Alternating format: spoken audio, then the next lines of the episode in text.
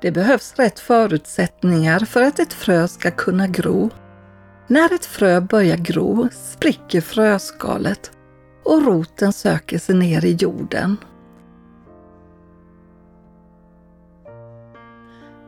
Rötterna börjar växa åt alla håll för att grodden ska hållas på plats. Fröskalet faller av och de första bladen växer fram. När knoppen börjar synas, då dröjer det inte länge förrän blomman slår ut.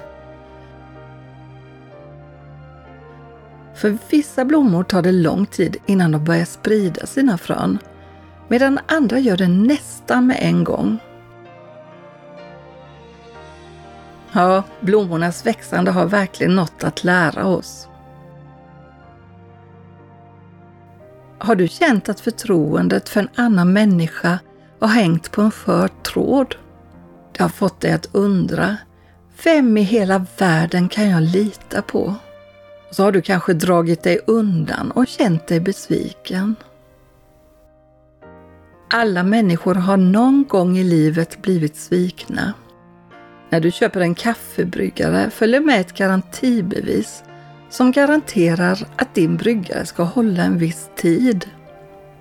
Du vill kanske ha garantier om att ett förtroende är grundmurat innan du släpper in någon i ditt liv. Men du, med förtroende kommer inga garantier. Den enda garantin som finns är att du kommer att bli sårad av dem du bryr dig om och de kommer att bli sårade av dig. Därför är det lättare att vara nådefull mot den som inte lever upp till varken dina eller mina förväntningar. Nåd och förlåtelse stärker relationer. Men en sak är säker. Någon som vet allt om dig älskar dig ändå. Som kristen går man också igenom en process du är helt beroende av roten för att kunna växa och utvecklas. Jesus Kristus är ditt starka rotsystem som bär dig. Någon har sagt blomma där du är planterad. Ja, vissa dagar kan kännas rätt så enformiga. Den gråa vardagen gör sig påmind. Hur är det möjligt att blomma när allt verkar så grått och trist? Bibeln är full av Guds löften. Någon har räknat dem och kommit fram till att det finns över 6000 löften. Jag har aldrig räknat dem, men det är tillräckligt många för att dessa löften ska räcka hela livet. Gud sviker aldrig sina löften.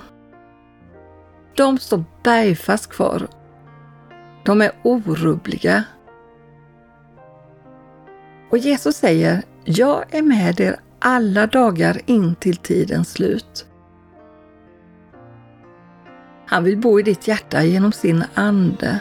Han vill ge kraft och styrka till din inre människa så att du kan vara rotad och grundad i hans kärlek. Från topp till tå, från insidan och ut din tro, hur liten och skral den än är, hålls på plats av rotsystemet som är Jesus själv. Det är han som låter sin kärlek växa sig stark inom dig och få dig att blomma. Desto mer du blommar, desto mer växer du. Kommer du ihåg Petrus, en av lärjungarna? Innan Jesus skulle korsfästas sa han att innan tuppen går skulle Petrus förneka honom tre gånger. Petrus bedyrade Jesus att han aldrig skulle göra det. Och kommer du ihåg vad som hände efter några timmar när Jesus hade blivit gripen och Petrus hade följt efter på avstånd? Ja du, när han satt där på översteprästens gård kom en tjänsteflicka fram och frågade om inte han också hade varit tillsammans med Jesus från Galileen. När han blev pressad flera gånger sa han till slut, jag känner inte den där mannen. Då gol tuppen. Han hade inte vågat stå upp för sin vän som skulle korsfästas och han gick ut och grät bittert. Petrus är i gott sällskap med oss övriga som inte alltid är att lita på när det bränner. Och ändå så får vi räknas in bland Jesu bröder och systrar. Vi får kallas Guds barn utan att vi förtjänar det. Och vad mer? När Jesus hade uppstått från de döda visade han sig för lärjungarna vid Tiberias sjö. När de hade ätit upprepade Jesus samma fråga till Petrus tre gånger. Lika många gånger som Petrus hade förnekat honom. Han frågade Älskar du mig mer än dessa? Och Petrus svarade varje gång Ja, du vet att jag har dig kär. Trots att Petrus hade visat att han inte var mycket att lita på gav Jesus honom namnet Petrus som betyder klippa. Och när Jesus hade lämnat dem och lärjungarna hade fått den helige Ande var Petrus mycket ivrig att berätta om vännen Jesus. Du kan också blomma ut genom Guds löften.